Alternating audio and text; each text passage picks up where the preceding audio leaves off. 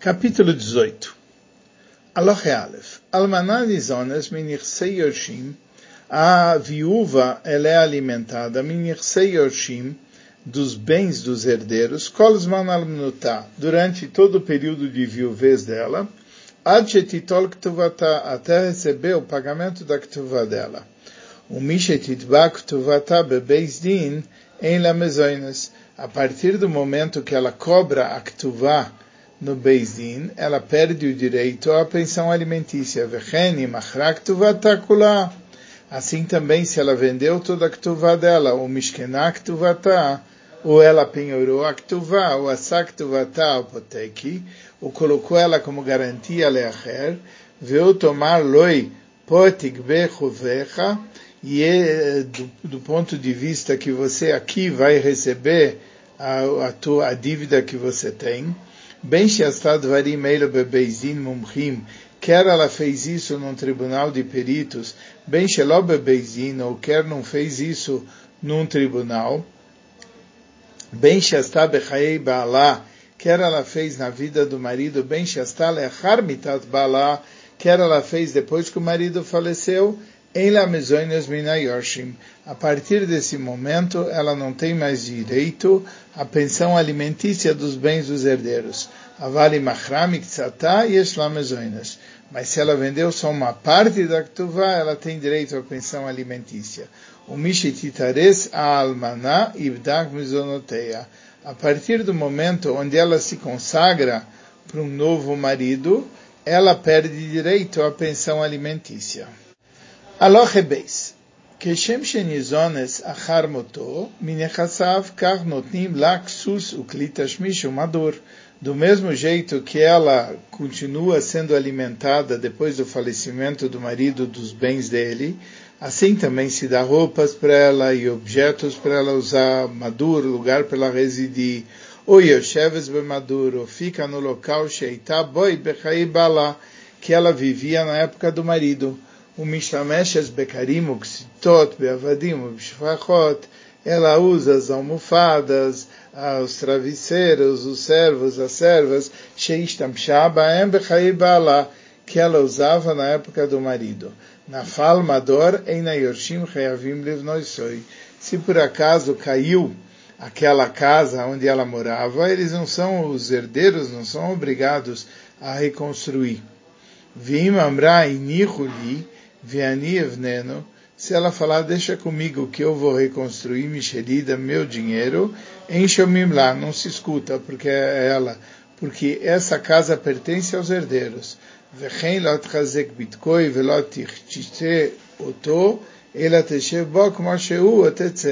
Assim ela também não pode melhorar ou fortificar o local, etc. Ela tem que ou viver naquele local como ele está agora, ou sair de lá. Viorshim shemachru mador almanal ou asuv klum.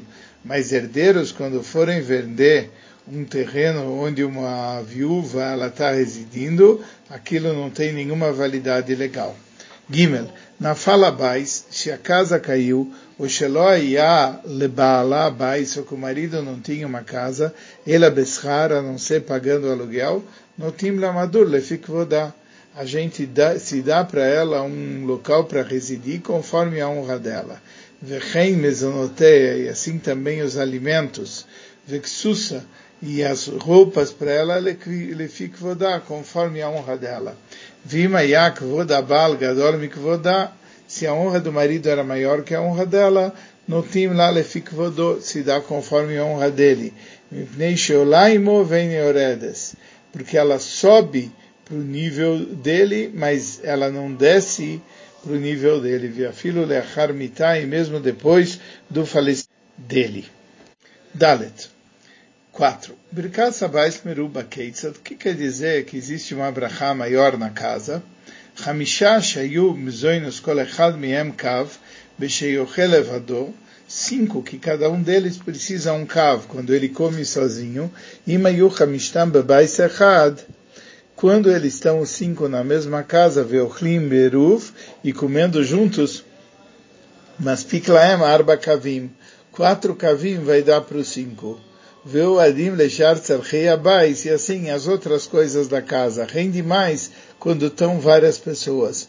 O lefich achalmanash amra ineni zaza mi beis avi piscoli venatnu lisham. Se uma viúva fala, eu quero ficar na casa do meu pai, me deem a pensão alimentícia e, e para mim lá, יכולים היורשים לומר לה, אם את אצלנו יש לך מזוינס. Os herdeiros podem falar, se você fica conosco, você tem pensão alimentícia. Vem lá, vem não, não notim lá, senão nós não damos para você.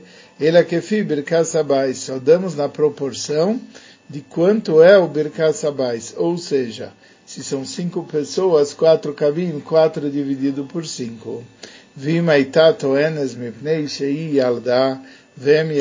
Mas se ela falar, olha, eu sou uma menina, vocês são meninos, Notim la mezoines amaspikim la levadá. Aí é um argumento bom e dão para ela alimentos que são suficientes para ela sozinha viver bem sabia, mesmo que ela está na casa do pai dela. O mutar mezoines almana, o mutar ksus leyorshim. O que sobrar do, da pensão alimentícia para a viúva ou das roupas que derem para ela, isso pertence aos herdeiros. Rei hey, 5. Almaná shechalta imtzrichalerefuá, uma viúva que ficou doente, se ela precisa de tratamento, she'en la kitzvah, que não tem limite, areizu, kemezoinas, isso é considerado como alimento. Veiorshim chayavim ba, os herdeiros têm que dar isso para ela. Veimitzricharefuá sheshla kitzvah, areizu mitrapá miktuvata, se é uma coisa que tem um limite, ela se cura da sua ktuvah.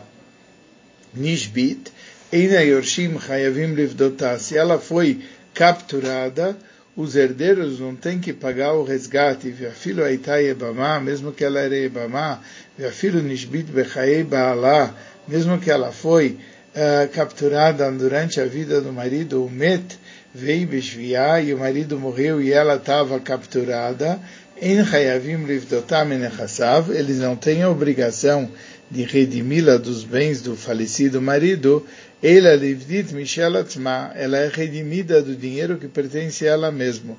O titol ktuvata vetivdeatzma, ou ela vai receber a sua ktuvá, e com isso ela vai comprar o seu resgate. Allah almona, morreu a viúva, Yorshei abal chayavim bekvurata. Os herdeiros do marido têm que enterrar ela. Veim nishba shua salmona, se ela jurou o juramento da viúva, meta, e depois ela morreu, yorsheia, yorshim ktuvata, os herdeiros dela herdam a ktuvá dela. E aí, já que eles herdam o valor da ktuvá dela, em chayavim bekvurata, eles têm a obrigação de enterrá-la. Avaloi yorshei abal, mas não os herdeiros do marido. Maseia de almana de yorshim o, o resultado, o fruto do trabalho dela vai para os herdeiros, porque eles estão sustentando ela. Veioresh amar almona, e um herdeiro que falou para a viúva, Tlima seyadaich bemzonotaich, fica com o resultado do teu trabalho e disso você se alimenta, enxomim loi, não se escuta ele. Aval isheratzabazeh shomim la mas se ela preferir ficar com o valor do salário dela e ela se alimenta, aí sim se escuta o que ela está pedindo. Zain 7. Todos os trabalhos que a mulher faz para o marido, a viúva faz para os órfãos, menos de ter que servir o copo, veatzah samita e colocar a cama, verchatzas panav, yadav ajudar ele a lavar, a face, a mão e os pés. Het, oitavo. Mitzias almona, o que a viúva ela encontra, o peiros nechassim, e também os frutos que os bens dela geram, Sheikh Nisam Lebal leatzma que ela colocou para o marido, Ve'ena Yorshim Baem Klum, eles, os herdeiros, não têm direito a nada disso. Nove.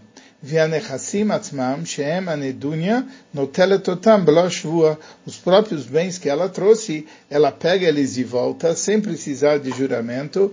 Vem lá Yorshim Baem Din Leolam. e os herdeiros não têm nenhum direito em relação a isso nunca. Ele enken tiro bechaye abal, a não ser que coisas que sobraram na vida do marido, veiunich seitzono barzel, chamotar labal, e aqueles objetos que ele pegou responsabilidade sobre eles, aquilo que sobrou é para o marido. Veimet almaná bloshua, se a viúva morreu sem fazer o juramento das viúvas, Yorsheia Yorshim Nedunyasa, os herdeiros dela ficam com a Nedunya dela, Afalpisho Nirsei Tsono Barzel, mesmo que são do tipo Tsono Barzel. Veim Ayabaem Otar Amotar Leoshei Abal. Mas o que vier sobrar daquilo, aquilo fica para os herdeiros do marido.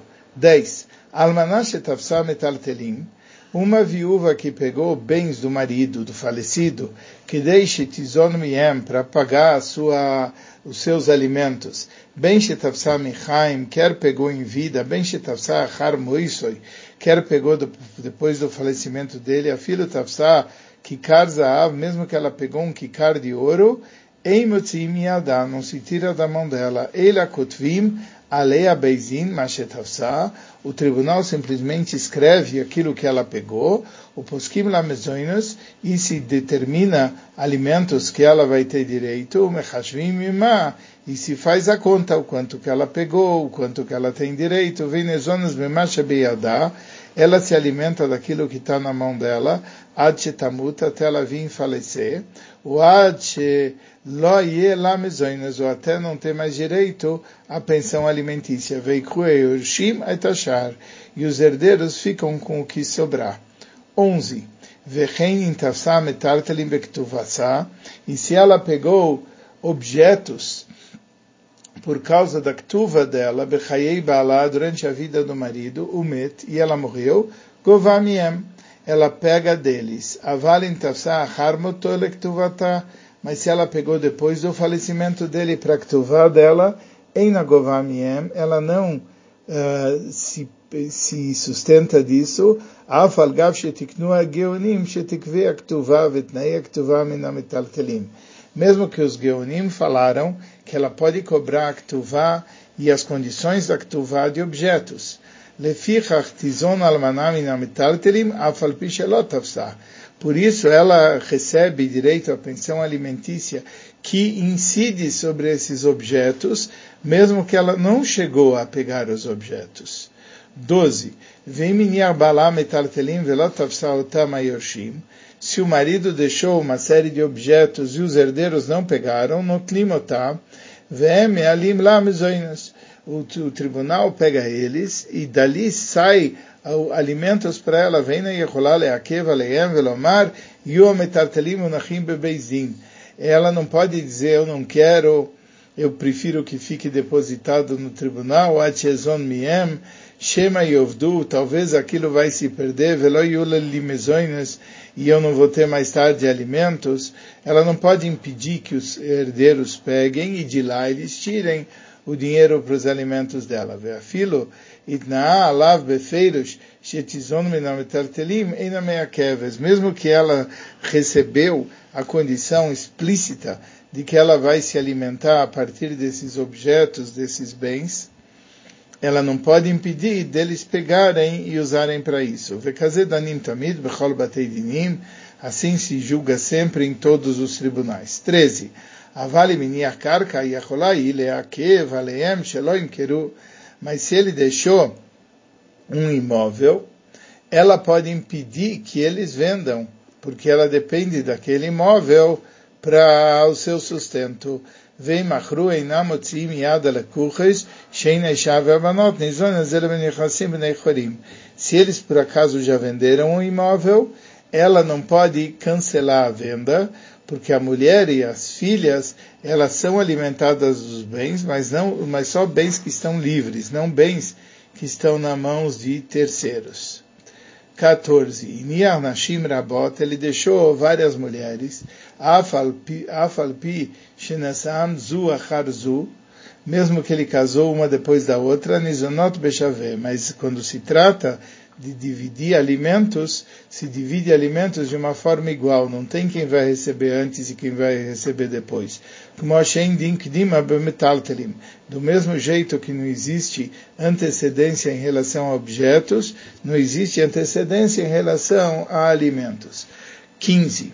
Almanashe nafla lifnei uma viúva que caiu na frente do Yabem, para o Levirato, Beshloshah Hodashim Arishonim Nizonas Michel Bal, durante os três primeiros meses depois do falecimento, ela é alimentada do espólio do marido. Vem Mukara Ibar, se, se percebeu que ela estava grávida do marido, e Nicha Meuberes, e se ele deixou ela também, quando ele faleceu, ela grávida, Nizonas Violechet ela uh, come dos bens do marido até que ela tenha o filho. E Alda Ben Shelkaima teve um filho que ele viveu bem normal, Nizonas Veoleches Kol Minei Almanutak ela continua sendo alimentada durante todo o período da viuvez como as outras mulheres. Chodashim, mas se ela não estava grávida depois de três meses, ou sheipila, ou que ela abortou.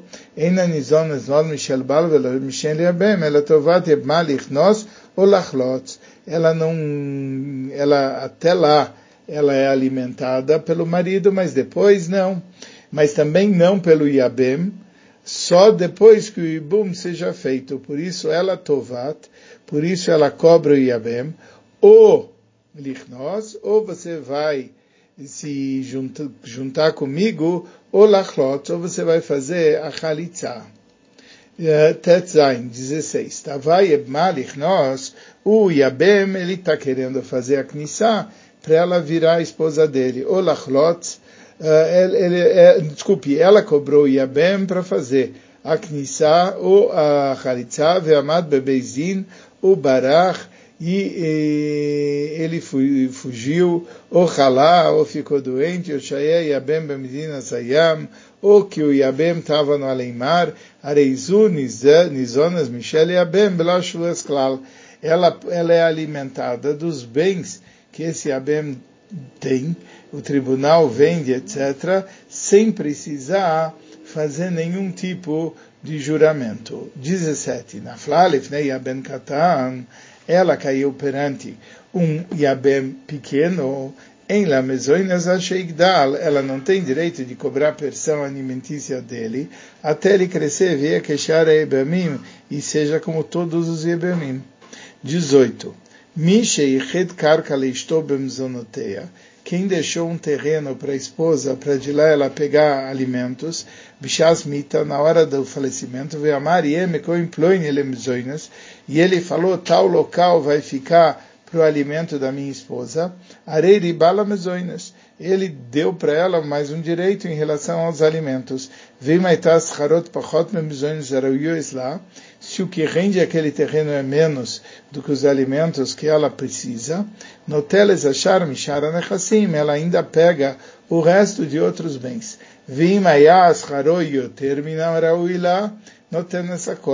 E se aquele terreno, aquele imóvel, está rendendo mais do que precisa para os alimentos, ela pega tudo. Aval imamar la yema komplonim bezonotea veshatka, em laela perosoto Makom bilvad sharei katzas lamizoinas. Mas se ele falou, olha, de tal local você vai tirar o teu alimento. E ela ficou quieta. Então ela só tem o direito do lucro daquele local, porque ela concordou que de lá é que vai sair o sustento alimentar dela. 19. Almanashe bale bezdin, uma viúva que veio para o tribunal, litvoa mezoinas, para cobrar a pensão alimentícia. Yesh mishi orash poskim la mezoinas, veimas biimotá. Tem gente, tem sábios que dizem que se dá alimentos e não fazem ela jurar. Vem Raul Ismoch ala azul, não se deve basear nesse ensinamento, mipnei shenitchalef lo adavar beisha shealach bala lemedina zayam. Porque essas, eles se confundiram com o caso de uma mulher que o marido foi para além mar. Verabotai ouro she'en la mezoines mebeizin ad shetishba. Os meus mestres ensinaram que ela não tem direito a pensão alimentícia até ela jurar o juramento das viúvas. Shazrei Zuba lefarei a tomim, porque ela está querendo cobrar alguma coisa do espólio, que são bens dos órfãos. Quem vai cobrar alguma coisa de bens que são de órfãos, só pode fazer isso através de um juramento, e assim o Rambam disse, eu também acho que é assim, e assim é correto julgar. 20. Almanash Bale Bezdin, uma viúva que veio para o tribunal, litvou mesoinos, para cobrar a pensão alimentícia. Mas biimotá bitrila, fazem primeiro ela jurar, o mochrim belo achraza, se vende os bens sem precisar anúncio público, venotim na mesoinas. E se dá os alimentos que ela precisa. Ela também pode vender bens para ter a pensão alimentícia, mesmo que não tenha um tribunal de especialistas, ela bishlosha anashim nemanim. Basta ter três pessoas que se confia neles, beló rasa, sem precisar ter anúncios públicos. E se ela também vendeu bens do espólio, assim, privadamente, mas ela vendeu chave bechave, machrachayam. Se ela vendeu pelo preço certo, a venda está de pé. O Quando os herdeiros vierem para que ela jure, ela jura. Quanto é que se vende para dar o alimento para ela, que dei lazun miem, para ela se alimentar, shisha chodashim se vende para seis meses, não mais que isso.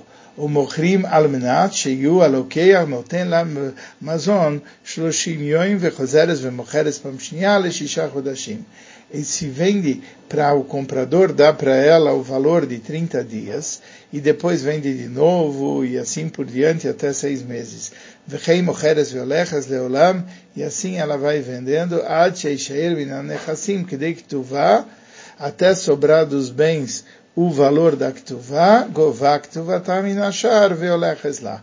Ela pega o valor da Ktuvá e ela, aí ela pode ir embora. 22. Almanasha Paskula Beizim Mezoinus, uma viúva que o tribunal fez um decreto para ela pegar alimentos, em Mal Maseiadea, você não precisa fazer as contas dela, quanto que ela ganha de salário, Ad Sheavoi Yorshim Veitvua, para que venham os herdeiros e cobrem isso dela. Mas, se ela tem o valor lá do salário dela, se aceita. Vem lovolchim ledarkam. E se não, eles vão em frente. Veani omer, sheim Yu yoshim ktanim Bebezim mechashvim Imau poskim aseyadea. Mas o Rambam fala, eu digo que se os herdeiros são pequenos, sim, o tribunal pergunta quanto que é que você está ganhando do teu trabalho, que dera sheposkim lamezoinas, como se faz também a, o decreto em relação aos alimentos para ela. 23. Almanasha in shtar ktuva yotze mitachaz uma viúva que o documento da Ktuvá não sai da mão dela, em Lamezoina, se ela não consegue apresentar a Ktuvá, ela não tem direito à pensão alimentícia. Shema Machla Ktuvata, talvez ela perdoou a Ktuvá, ou Machra, ou vendeu, ou Mishkená, ou, tá, ou colocou ela como garantia de alguma coisa. Afal Pishelota Ana Yoresh, Tuanim anuloi, mesmo que o herdeiro ele não está falando nada, o tribunal tem a obrigação de falar. ואומרים לה, הביא כתובתך והשבי ותלתי מזונותיך. E se fala para ela, traz a tua ktuvá e jura, e aí você pega os teus alimentos. Ele em quem darkam lichtov, em darkam lichtov ktuvá. Não sei que é um local que não se escreve a ktubá. 24. A Isha Shalchai, o Balala Medina Sayam, a mulher que foi ela e o marido para Leimar. O Bave Amra, ela veio e falou, Met Bali, meu marido morreu, veratzah, nizoines kidim kolal manoit, notelas pituvata. Se ela quiser, ela pode escolher, ela pode continuar a ser sustentada pelo espólio de pensão alimentícia, se não, ela pode receber a ketubá.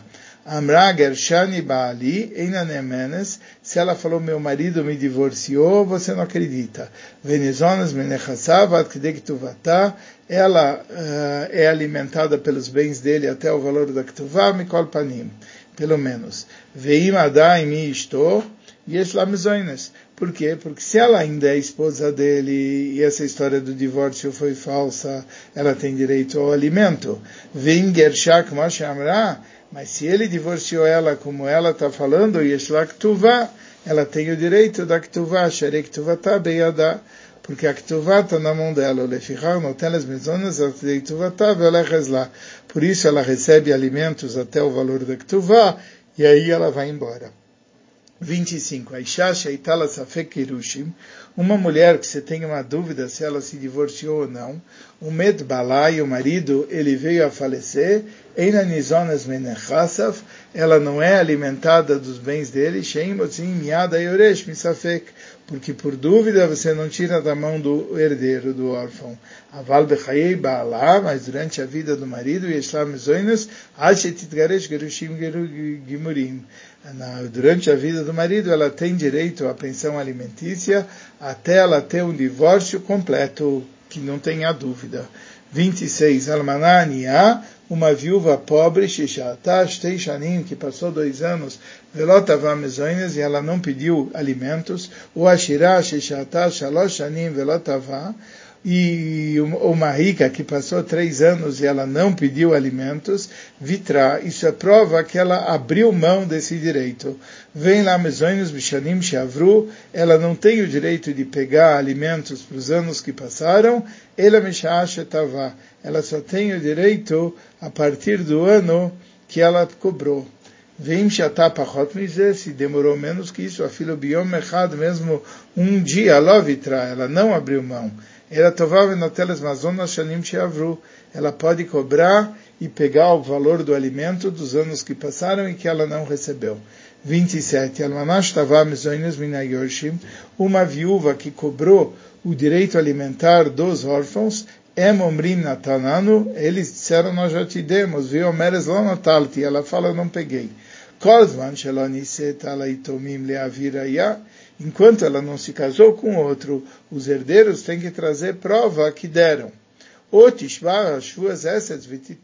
ela jura o juramento dos sábios e recebe. O. A partir do momento que ela se casa com outro, ela que tem que trazer provas, ou os herdeiros fazem o juramento dos sábios que deram para ela. 28. Din Tosefet Ktuva Ktina Ikar. A lei da parte adicional da Ktuvá é como o principal. Lefichach almanash tava machra, por isso uma viúva que cobrou, ou vendeu, ou machla, ou perdoou, ou mishkená, ou deixou de garantia, tosefes, ktuvata imaikar, a parte acrescentada vai junto com o principal, em la mezoinas. Se ela já fez tudo isso, ela não tem direito a alimentos. Vintava miktsas, se ela só cobrou uma parte, vem Nicha deixou uma parte, Areize que Mishe Tava Miktsas Aikar, vem Nicha é como alguém que recebeu uma parte do principal e deixou uma parte. Vecheina Mocheres ou Mocheles Tam, e aquela que vende ou aquela que perdoa, Machral Machlat Tosefetz Imaikar, ela vendeu ou perdoou a parte acrescentada junto com o principal Shishneem, os dois juntos, Ktuvah Shmam, se chama Ktuva Bekol Makom, em todo local.